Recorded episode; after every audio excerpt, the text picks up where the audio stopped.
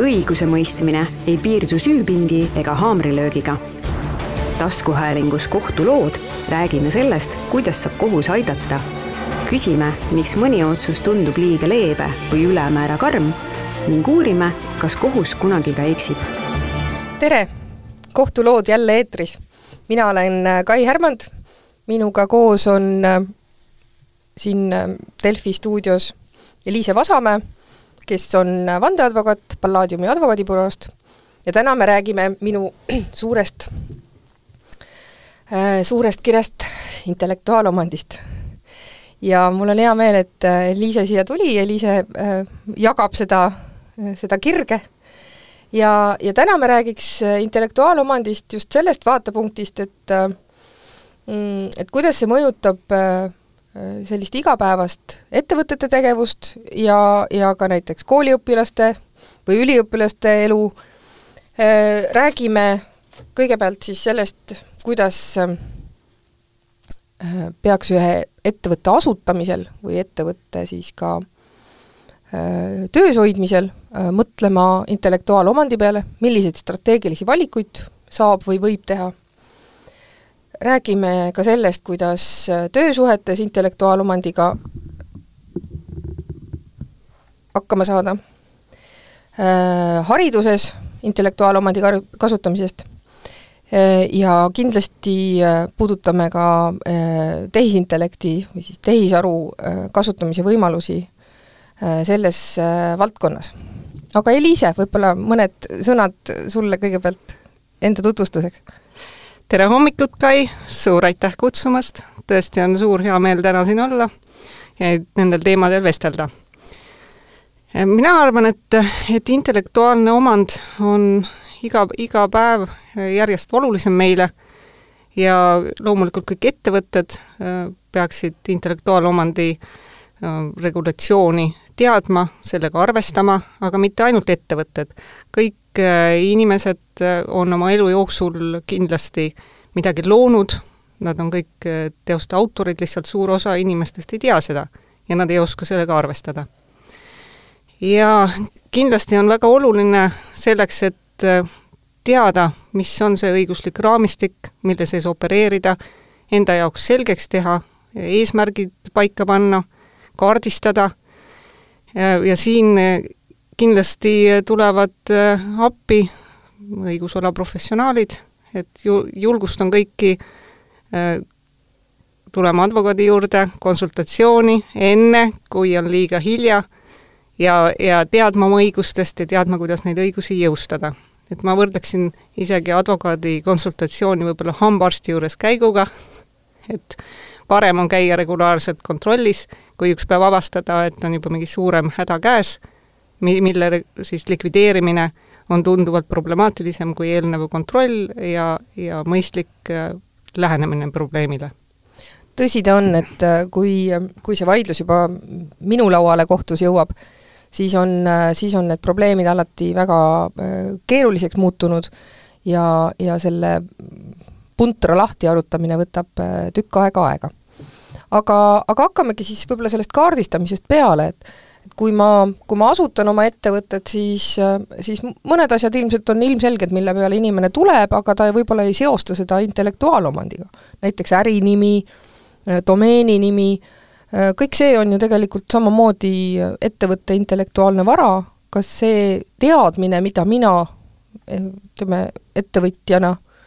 panustan oma, oma siis ettevõtte tegevusse. ka see on ju tegelikult äh, intellektuaalne vara, mis, mis võib-olla ei ole otseselt äh, seaduse sättes niimoodi äh, kõvasti kirja pandud. et on ju tõesti need, need valikukohad, et, et, et mida üldse avalikustada, mille peale mõelda, võib-olla sa annad sellise, sellise esite- e,, e, ütleme, esialgse, esialgse teekonna teekonna kohta niisuguse väikse ülevaate? jaa, loomulikult äh, iga ettevõtja peakski alustama oma ettevõtja teekonda sellest, või konkreetse ettevõtte teekonda, sellest, et, et kaardistama, et millega on üldse tegemist, millised intellektuaalomandi liigid äh, teda puudutavad, Äh, millised on sellised äh, intellektuaalomandi liigid, mis eeldavad äh, kaitse saamiseks registreerimist, näiteks kaubamärk, tööstusdisaini lahend, patent, või millised on sellised, mis tekivad loomise hetkest, autoriõigusega kaitstavad teosed näiteks. ja samamoodi kõik, kõik intellektuaalomandi liigid võivad olla väga olulised selle ettevõtte arengu jaoks ja, ja samuti ka see, et kui ettevõttesse lisandub äh, rohkem äh, osanikke, partnereid,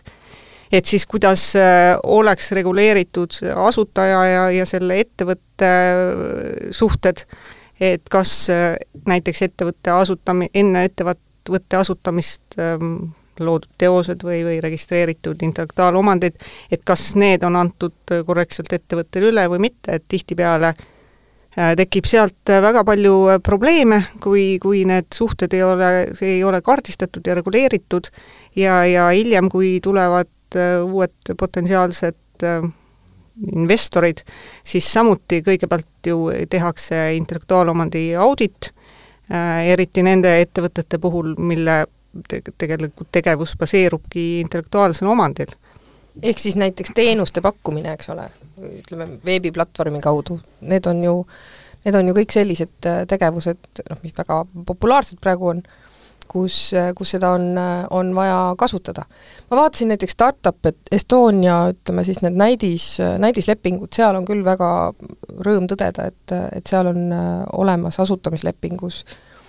ja, ja noh, osanikevaheliste kokkulepete kohal on ikkagi intellektuaalomandiga tegeletud, ka ärisaladusega on seal tegeletud. Ja, ja tõesti, ütleme siis sellise, sellise ütleme, entusiasmilainel, kui sa seda ettevõtet asutad, võib-olla lähevad sellised asjad meelest ära just nimelt, et et, et need osanikud või, või, või asutajad ise pasu, panustavad kindlasti noh, väga palju just nimelt selles intellektuaalses äh, sfääris ja, ja kui me tahame, et see ettevõte ikkagi oleks jätkusuutlik, äh, siis need õigused peavad olema antud ettevõttele või, või, või loodud nii-öelda ettevõtte nimel, mitte, mitte siis äh, olema nende konkreetsete inimeste äh,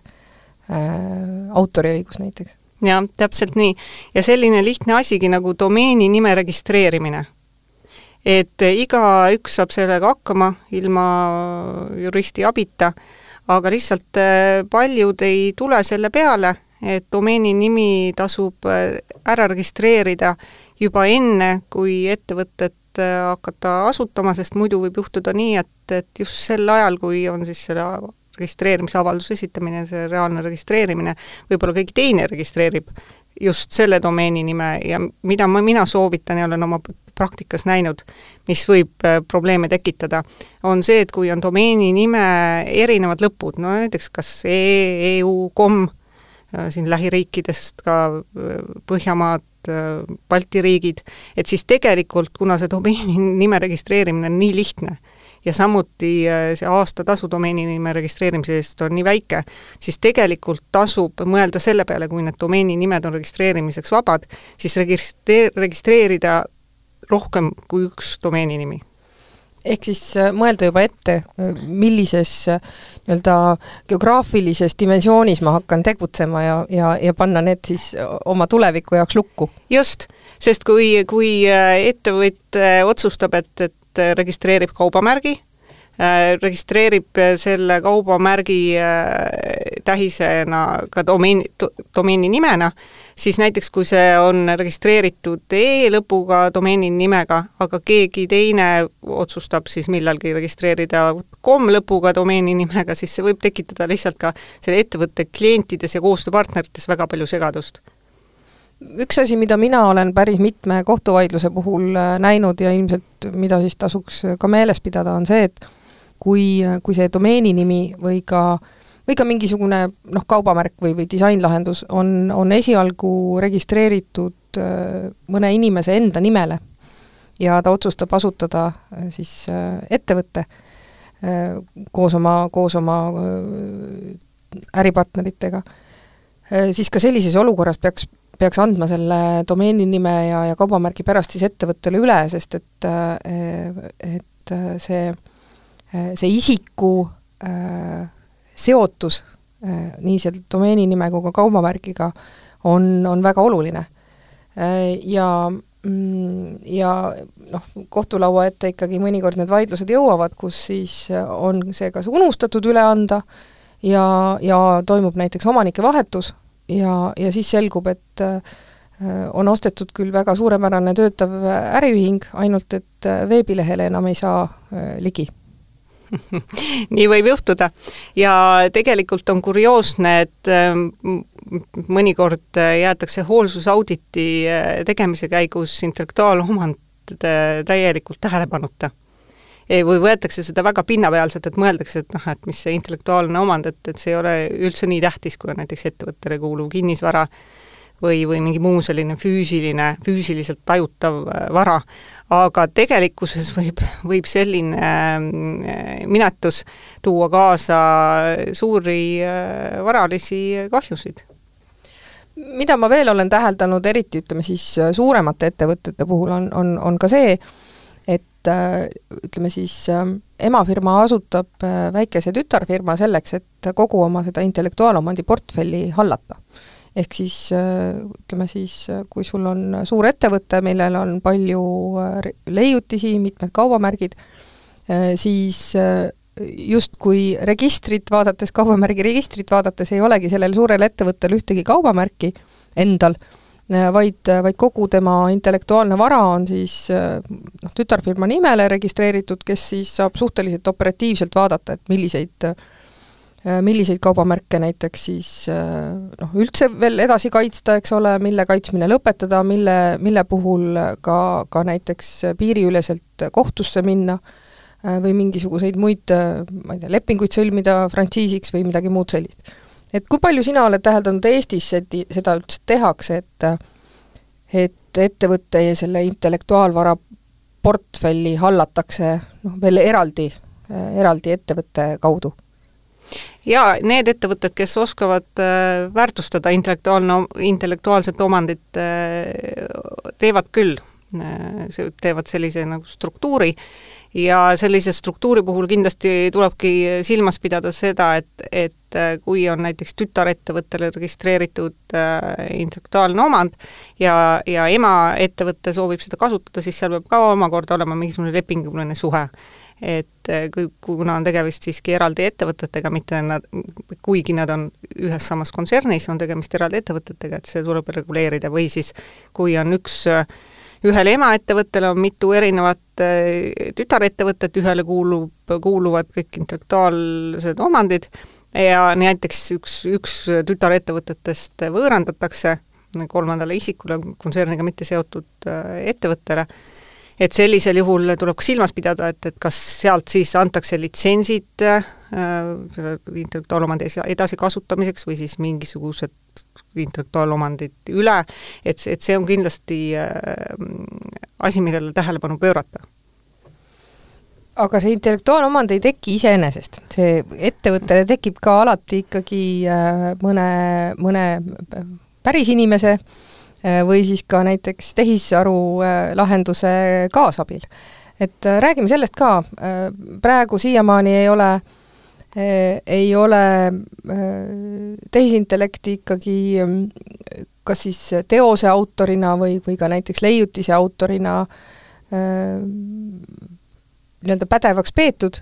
aga selle eest ikkagi on, on ettevõtte töötajad alati seotud äh, selle intellektuaalse vara loomisega, alati on olemas kas noh, üks inimene või inimeste grupp, kelle, kelle töö tulemus see siis äh, ikkagi on, olgu see siis leiutis või, või, või, äh, või kaubamärki või, või, või disainlahendus või ka noh, ma ei tea, tarkvaralahendus näiteks. kuidas, kuidas üks ettevõtja peaks vaatama oma, oma, oma töötajate töötajatega äh, selliste kokkulepetele ütleme otsa? tehisaru on, on muutunud väga aktuaalseks teemaks ja soovitan, julgustan kõikidel ettevõtetel äh, alustada sellest, et kaardistada kas ja millisel määral nad puutuvad kokku tehisaruga, kas nad kasutavad tehisaru iga, oma igapäevases äritegevuses, ka-, kas ja, ja kuidas nende töötajad võivad tehisaru rakendusi kasutada, et, et kaardistada kõik olulised küsimused ja, ja kujundada välja ettevõtte tehisaru poliitika. et välistada tulevikus tekkida võivaid probleeme ja samuti garanteerida, et kui ettevõte töötab välja mingisuguse näiteks uue ärimudeli, mis kas põhineb tehisarul või, või selle ärimudeli kasutamine on tihedalt seotud tehisaru rakenduste kasutamisega, et, et äh, ettevõtte tehtud äh, kulutused ja, ja äh, mis iganes investeeringud selle ärimudeli väljatöötamisel ja, ja töösse panekul ei läheks luhta et see on äärmiselt oluline, teiseks ka vastu, vastutuse välistamiseks. et kui kasutatakse tehisaru rakendusi, siis äh, kõigepealt tuleks alustada sellest, et tutvuda selle te-, selle konkreetse tehisaru rakenduse kasutustingimustega. et millisel viisil on lubatud siis selle tehisaru äh, poolt genereeritud äh, väljundit kasutada ka ärilistel eesmärkidel, et kas ja millistel tingimustel ja, ja sealt edasi, et, et kuidas siis töötajad peavad suhtes tööandjaga neid rakendusi täpselt kasutama, kas see on lubatud või ei ole lubatud, no näiteks mingisugustes loome ettevõtetes, et kui ette, tööandja eeldab, et töötaja ise otsast lõpuni autorina loob mingisuguse väljundi, aga tegelikult see töötaja lihtsalt otsustab, et, et ma kasutan vahelduseks tehisaru rakendust, võib-olla tööandjat ka sellest informeerimata, siis see võib kaasa tuua väga ebameeldivaid negatiivseid tagajärgi tööandja jaoks. jaa, ja kindlasti tuleb ju mõelda ka sellele, et, et kõik no üldjuhul kõik see, mida me sinna tehisaru rakendusse nii-öelda sisse anname või sisse paneme, see jääb äh, sinna alles, see jääb ka avalikkusele näha äh,, ehk siis äh, noh, oma ärisaladust äh, ei tasu võib-olla siis äh, kohe hakata jagama jah, seda kindlasti. et, et üldreeglina jah, et, et kuna autor saab olla ainult füüsiline isik äh,, vähemalt kontinentaal-Euroopa õigustraditsiooniga ri-, riikide puhul äh,, nagu seda ka on Eesti, et siis äh, tuleb alati mõelda sellele, et, et kes on see isik, kes on loonud konkreetse teose või, või siis äh, disaini, mida siis hakatakse tööstusdisaini lahendusena registreerima, et äh, selle isikuga äh, tule, tuleb äh, reguleerida need suhted ja kui äh, see isik asendatakse tehisaru äh,, tehisaruga, et siis tuleb samuti vaadata, et et kas ja millistel tingimustel on soovitud eesmärgil võimalik sellist tehisaru poolt, tehisaru abil loodud väljundit äh, kasutada? eelmisel, üle-eelmisel nädalal jõudis Euroopa Liit selle tehisaru määruse suhtes ikkagi poliitilisele kokkuleppele, et kas sa näed nagu seal ka mingisugust tuleviku, tuleviku arengut, et, et tõsi, tehisaru noh, ei, ei saa olla ise autor, aga, aga noh, kui ma ikkagi näen vaeva, noh, eelkõige näiteks ettevõtjana või ka, või ka siis nii-öelda füüsilise isikuna või ta-, tavalise inimesena, eh, mingisuguse tehisarurakenduse väljatöötamiseks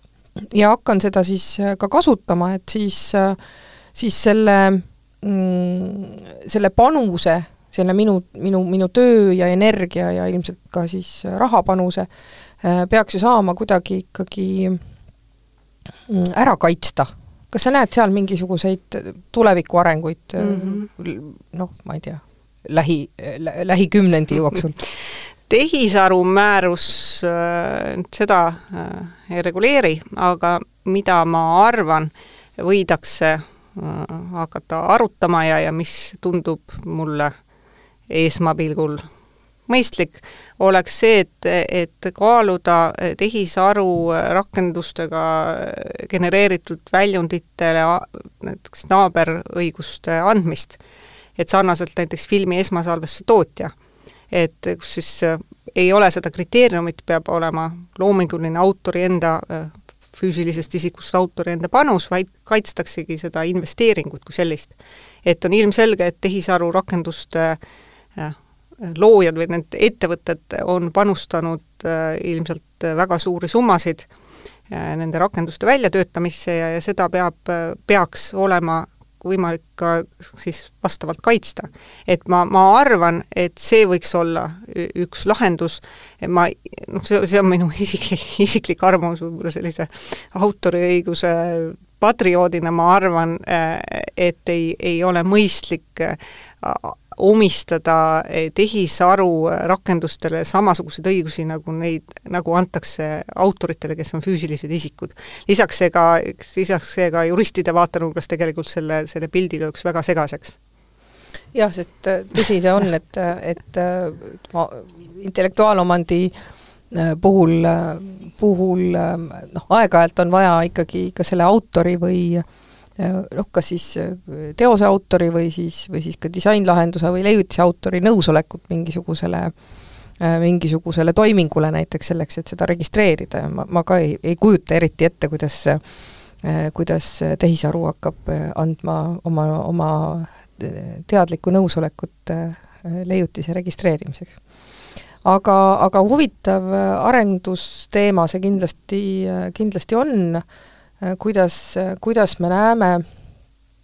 äh, tehisaru äh, ja, ja just nimelt selle intellektuaalomandi õiguste noh, kas nüüd segunemist just, aga, aga, aga selle rakendamist. ja, ja kindlasti üks teema, kus, kus see tehisaru ka väga palju sisse tuleb, on, on haridus tänapäeval Äh, on, on ju väga palju räägitud sellest, kuidas, kuidas üldse äh, haridusse või, või, või teadmiste omandamisse seda tehisaru rakendust äh, sisse integreerida, aga, aga teisest küljest äh, on, on ka noh, tavaliste koolitööde tegemise puhul kindlasti väga palju seda ka kasutatud. aga, aga veel rohkem kasutatakse teiste inimeste poolt loodud äh, teoseid nii, nii õpetamises kui ka, kui ka õppimises. ja, ja võib-olla sellest võtakski siis nii-öelda järgmisena kinni ja äh, ja vaataks sinna sisse, et äh, mis, mis meil siin olulist on. sellised suuremad plagiaadiskandaalid, kus kus teadustöödesse siis kirjutati teiste, teiste juba valminud teoste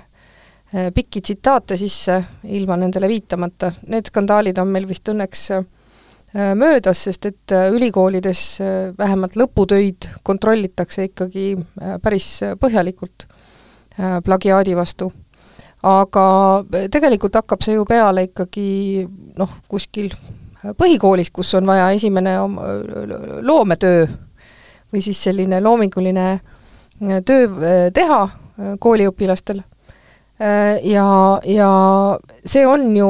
äh, nende teos, iga, iga kirjand, mille, mille üks viienda klassi laps kirjutab, on teos. Äh, tegelikult ka tema ma ei tea, suuline ettekanne või referaat ajaloos, bioloogias, mis iganes aines, on, on teos ja, ja hakkame võib-olla sealt peale, et et kui ma nüüd pean ise midagi looma, kuidas ma saan äh, teiste inimeste varasemat loomingut sinna, sinna sisse panna? jah, see, see äh, hariduse valdkonnas on sellised küsimused, mis puudutavad autoriõigust, aktuaalsed, väga igapäevased. ja ma arvan, et palju sõltub konkreetse haridusasutuse enda sise, sisemistest ka reeglitest, kui hästi nad juba maast madalast lastele äh, suudavad seda selgeks teha, mis on need õiged reeglid, mida, mis, mis, mida peab jälgima, kuidas siis tsiteerima, kuidas viitama. et äh, üldreeglina noh, loomulikult äh, on lubatud äh, teiste isikute teoste kasutamine, aga selle erandiga, et, et siis tulebki viidata, millisest allikast kelle, kelle teost on kasutatud ja, ja juhul, kui väike ähm, viie, viienda klassi äh, õpilane kirjutab äh, kirjandit või esseed äh, näiteks, tahab seal mingid, mingid kas teadus no mitte päris teadusartikleid kasutada, aga mingit sellist, mille puhul noh, ilmselgelt on aru saada, et ta ei ole ise selliseid teadmisi jõudnud omandada, välja mõelda, et, et siis ikkagi õpetajad peaksid suutma selekteerida, et, et mis on see ju tekst, mis suure tõenäosusega on õpilase enda välja mõeldud ja, ja mis ei ole, ja, ja sellisel juhul siis üritama aru saada, et, et, et kas õpilane on järginud neid reegleid või mitte, noh ilmselt need tagajärjed, sanktsioonid viienda klassi õpilasele ei ole küll väga ranged, aga sellest minu arvates see on see baas ja sellest edasi eh, see kogu selle õpilase järgnev elu, et ta saab nendest, nendest eh, suunistest, juhistest, soovitustest eh, ka edaspidises elus lähtuda, et, et kui ta läheb ülikooli, asub seal teoseid ise looma, et kui ta juba teab äh, madalamates klassides, et, et millised on need reeglid ja, ja samamoodi ta tahab ilmselt ka seda, et kui tema teosed tulevikus kasutatakse, et siis sama, et teda kui autorit austatakse ja, ja, ja tsiteerimisel äh, välja tuuakse. ehk siis, kui ma äh, kirjutan või sõnastan ümber kellegi teise mõtte või ka, või ka siis selle sõna-sõnalt esitan ja näitan ära, kelle mõte see on, siis siis see ongi täiesti lubatav ja täiesti aktsepteeritav. just, ja teistmoodi ei olekski mõeldav ei õppetöö madalamates klassides ega ka teadustöö, sest tegelikult teadustöö, teadustöö puhul ongi oluline ju, et teadustöö tegija töötab äh, läbi need allikad, äh, varasemalt sellel teemal äh, kirjutatud allikad, teeb selle pinnalt järeldused, üldistused ja, ja kirjutab, analüüsib siis nende põhjal Äh, midagi uut, aga kas see, seejuures kindlasti ära näidates, äh, kui need ei ole tema enda mõtted või järeldused, et, et kelle omad need on ja mis on avaldamise allikas, et noh, tsiteering siis tähendab seda, et on sõna-sõnalt kasutatud äh, kellegi teos, teise teoste siis viitamise puhul ongi, et, et on oma sõnadega ümber jutustatud see. Aga kui, kui seesama viienda klassi õpilane või ka, või ka mõni üliõpilane teeb äh, ma ei tea, joonistab mõne, mõne graafilise lehe või, või, või, või guaši maali, siis, siis see on ju ka samamoodi tegelikult äh, tema teos äh, ja, ja teda peab ju samamoodi äh, selle teose autorina esitlema ja, ja, ja käsitlema siis. ja loomulikult. kui mina olin viieaastane, siis mina tegin terve esikuseina äh, joonistusi täis ja korraldasin veel ka oksjoni, et, et siis perekonnaliikmed said neid osta. no vot, see on väga huvitav, hea, hea idee siis ähm, äh, kuulajatele. Äh, värskel niimoodi. Ähm, on veel hariduses, ütleme, midagi sellist, mis, äh, mis puudu-, noh, eriti mis puudutab siis äh, intellektuaalomandit, mis äh, mis sind äh, ennast võib-olla on, on äh, mõtlema pannud, äh, sest et noh, kui ma, kui ma vaatan neid erinevaid kas teadusvõist-, noh, õpilaste teadusvõistluseid või või mingisuguseid muid sarnaseid, ma ei tea, loomelaagreid näiteks, eks ole, kus kus toimub ka mm, ütleme, grupitöödena mingisuguste teoste loomine või, või, või, või leiutiste leiutamine, ma ei tea, Patendiamet teeb siin näiteks äh, õpilaste leiutiste võistluseid, siis äh, see, see on tegelikult ju äh, asi, millest võib-olla ei räägita, et, et noh, ilmselt need institutsioonid, kes neid asju läbi viivad, noh, ma loodan eriti, et Patendiamet mõtleb selle peale, kuidas seda, kuidas seda ka õiguslikku vormi valada, aga, aga ilmselt äh, mingisuguse lap-, laste loomelaagri äh, puhul äh, noh, ei mõelda võib-olla selle peale, et et see,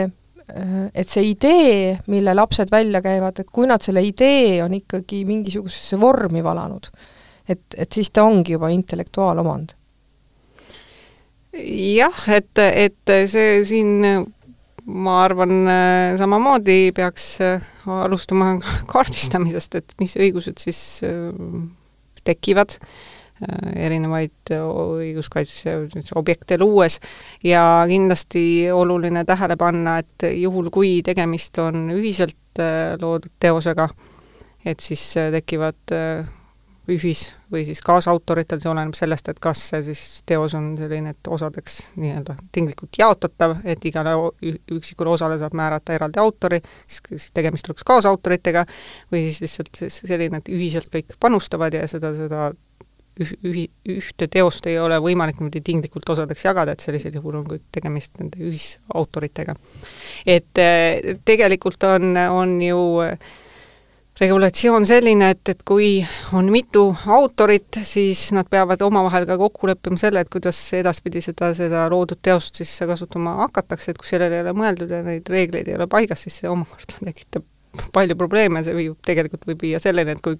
üks autor ei ole nõus, et siis ei saagi seda teost edasi kasutada mitte mingil viisil. Ehk siis, kui me äh, loomelaagri lõpus teeme, teeme kõikide laste käejälgedest äh, koosneva äh, ühise teose, kus nad siis äh, võib-olla midagi ka joonistavad, siis, äh, siis, äh, siis nad peavad tegelikult ka ühiselt otsustama, et kus seda näidatakse ja, ja, ja mis eesmärgil seda kasutada saab. jah, teoreetiliselt küll. ja tegelikult ju alaealiste laste puhul üldse vanemad peaksid nendesse nõusoleku andma jaa, see on veel, see on omaette küsimus, omaette küsimus jah, kindlasti aga kas sa näed, ütleme siis seal ka hariduse valdkonnas just nimelt selle tehisintellekti äh, kasutamise osas mingisuguseid äh, mingisuguseid äh, kitsaskohti, kuhu, kuhu kännu taha siis, siis mingisugune mm, asi võib kokku, kokku, kokku joosta või, või, või, või kinni jääda? no ilmselt ma arvan, kõige suurem äh, väljakutse ongi see, et, et kuidas vältida seda, et, et ei hakataks tehisaru liigkasutama. ehk et ei oleks äh, inimeste enda loome äh, mõttevõime äh, takistatud või piiratud ja et näiteks kakskümmend, kolmkümmend aastat tagasi sündinud lastel ei oleks see, see võime siis oluliselt rohkem välja arenenud võrreldes nende lastega, kes praegu siis juurest kasvavad ja, ja samamoodi mm, erinevaid välja, väljundeid loomad, aga kui, kui nad teevad seda näiteks üheksakümmend viis protsenti tehisaru abil, et, et siis on selge, et, et mm, mõne aasta pärast see, see võib see puudujääk äh, välja tulla. autori või nagu noh, üldse õiguslikus mõttes, mitte ainult autoriõiguse mõttes, et, et siin on, on küsimus äh, ma arvan, et peaasjalikult selles, et kuidas siis noh, tuvastada, et kas tegemist on tehisaru äh, rakenduse poolt genereeritud väljundiga või, või siis äh, inimloome töö tulemusena tekkinud obje-, objektiga või, või selles mõttes sellise ka väljundiga, et, et see, selle jaoks ma arvan, on päris palju juba mõeldud ja, ja samamoodi kasut-, võetud kasutusele ka seda, et, et siis saaks neid nii-öelda kontrollida, neid väljundeid, et kas need tekstid on autentsed või, või need on äh, genereeritud äh, tehisaru poolt, samas ka noh, nagu, nagu me tegelikult ei saa ju hakata kontrollima seda, seda, seda protsessi, et iseenesest on ju ka võimalik, et tehisarul lasta midagi genereerida ja siis, siis töödelda see ringi, et, et võttagi lause-lauselt teha see oma nii-öelda tekstiks. et siin on see piir on üpris õhkõrn, et mis, mis, mis hetkest siis või millistele kriteeriumitele äh, peaks see väljund vastama, et seda saaks hakata pidama äh, autori enda, enda olulise panuse äh, tulemusena tekkinud autoriõigust kaitstavaks teoseks ja, ja, ja mi-, mi-, mis hetkest see siiski äh, on ja jääb tehisaru poolt genereeritud väljundiks, mis praeguse kehtiva õiguse kohaselt ei ole autoriõiguse kaitstavaks teoseks. Väga huvitav teema ole, ole, on ju ka see, kus noh, teatud, jälle kui me räägime tehisintellektist, siis äh, teatud äh, osa sellest ongi ju äh, vabakasutuses. et kui me, kui me võtame needsamad Eesti, Eesti riigi ütleme, kratistrateegia eesmärgid, siis, siis meil on ju veebis põhimõtteliselt vabalt saadavad nii-öelda kratijupid, eks ole, kus siis põhi, noh, neid, neid erinevaid juba välja töötatuid ja, ja, ja praktikas testitud äh, osi võib, võib vabalt kasutada, omal vabal valikul siis erinevas järjekorras nii-öelda kokku panna, teha siis oma uus pusle, eks ole, ja, ja, ja seal tekib ka kindlasti see küsimus, et ühest küljest need jupid kui sellised on, on, on, on vabakasutuses, eks ole, teisest küljest mina olen ikkagi panustanud oma aega sellesse ja, ja, ja see ütleme siis see järjestus, kuidas, kuidas ma neid kratijuppe siis kokku panen, on, on ju minu loometegevuse töö, eks ole. ja, ja, ja seal kindlasti Mm, on, on ka päris palju äh, selliseid huvitavaid õiguslikke küsimusi, mitte et ma oleks neid äh, neid kaasuseid äh, kohtus väga palju näinud pane vaim valmis. ilmselt paari aasta pärast jõuavad need vaidlused ka kohtusse. Ja kui nüüd võib-olla kohtuvaidlustest rääkida, siis, siis noh, mina näen, näen seda, mis, mille puhul ütleme, mm, see, see advokaaditöö, töö on, on suunatud just nimelt selle kohtuvaidluse siis nii-öelda kohtu ette toomisele. aga, aga võib-olla oskad sa öelda mõnda sellist huvitavat kaasust oma praktikast, kus kus sa oled niimoodi elegantselt suutnud selle, seda probleemi ennetada ja, ja, ja jõudnud ikkagi sellisele tulemusele, kus kus see kohtuvaidlus on ära jäänud, sest et noh, see on ilmselt advokaadi kõige suurem töövõit, eks ole jaa, mina isiklikult olen advokaat, kes eelistab äh, selles mõttes vältida kohtuvaidlusi, et just äh, panustada ennetusele. ja, ja need, tavaliselt need äh, ettevõtjad, kes, kes alustavadki oma tegevust konkreetse ettevõttega kaardistamisega enda jaoks õigusliku olukorra selgeks tegemisega ja, ja tahavad reguleerida äh, õigussuhteid piisavalt äh, detailselt, tavaliselt need ettevõtted äh, kohtusse ei jõuagi. Et kui on olemas juba kokkulepe, kui on arusaamine, mida ja kuidas kaitstakse, siis äh, seda väiksem on tõenäosus, et hiljem tekib sellest ületamatu probleem, et, et mida ei saa muul viisil lahendada kui ainult kohtus. no muidugi erandiks, kindlasti suureks erandiks on see, et juhul, kui äh, on tegemist õigusrikkumisega, mis siis saab selgeks äh, ettevõttele või, või mitte ainult ettevõttele, ükskõik millisele isikule ja, ja siis ei suudeta kokkuleppele jõuda, et üks inimene näiteks ei saa aru, et tegemist on rikkumisega, teine arvab, et tegemist on väga suure rikkumisega ja, ja tal on tekitatud suured kahjud ja, ja nad tahavad edasi vaielda, et see on teine juhtum. aga siiski selline, ma arvan äh,, ennetus tegevus ja enda jaoks kõigepealt enda harimine ja selle, selle, selles valdkonnas rohkem informatsiooni kogumine on kõige paremad äh, meetodid, viisid, et kuidas tulevikus vältida mit-, võib-olla mitmeid aastaid äh, kestvaid kohtuvaidlusi ja ja, ja mis, mis seal salata, et kohtuvaidlused tegelikult on ka kallid. et palju odavam on eelnevalt konsulteerida äh, ja enda jaoks see olukord äh, selgeks teha ja kõiki riske äh, minimeerida, kui see, et, et mõelda, et ah, et ma tegelen siis, kui probleem on käes, et siis, kui probleem on käes, siis, siis võib juba selles mõttes olla hilja, et saada sellele mõistlik, äh, mõistlik lahendus mõistlike kuludega. aga pakime oma tänase jutu siis kokku et mis, mis need õpetussõnad on, mis me siis kaasa anname, et, et ettevõtjale eelkõige siis muidugi see, et, et ole, ole kindel selles, et kõigepealt ilmselt on kõige olulisem see, et, et äh, ettevõtte puhul saadakse aru,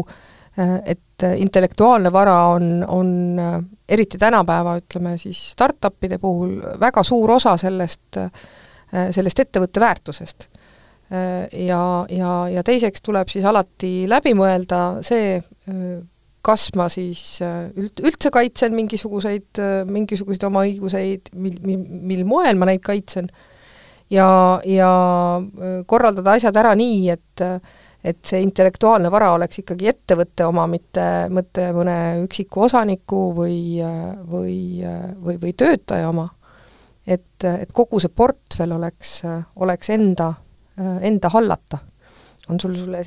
veel mõni õpetussõna sinna ettevõtjale juurde, juurde lisada? jaa, noh kuna täna on meie vestlusaeg kahjuks väga piiratud, aga kuna sa praegu tõid eraldi ka välja selle, selle töötaja eh, suhte töötaja ja tööandja vahel, siis ma igaks juhuks kiiresti veel räägin selle juurde, et Eesti autoriõiguse seaduse kohaselt eh, töö suhtes eh, loodud teostele tekkivad varalised õigused lähevad küll seaduse alusel üle tööandjale, aga isiklikud õigused mitte. ja kui töölepingus ei ole Eh, kokku lepitud, et eh, töötaja annab eh, litsentsi oma isiklike õiguste teatud viisil kasutamiseks tööandjale, siis see on praktikas ka väga palju probleeme tekitanud, kui peaks tekkima mingisugune vaidlus tööandja ja töötaja vahel. et töötaja, kui töötajale jäävad tema isiklikud autoriõigused töökohustuse raames loodud teostele, et, et see võib piirata ettevõtte edasist tegevust ehk siis kui me võtame näiteks mingi tarkvara äh, näite, et, kui töötaja mingi tarkvarajupi äh, välja töötab, äh, siis varalised õigused lähevad üle,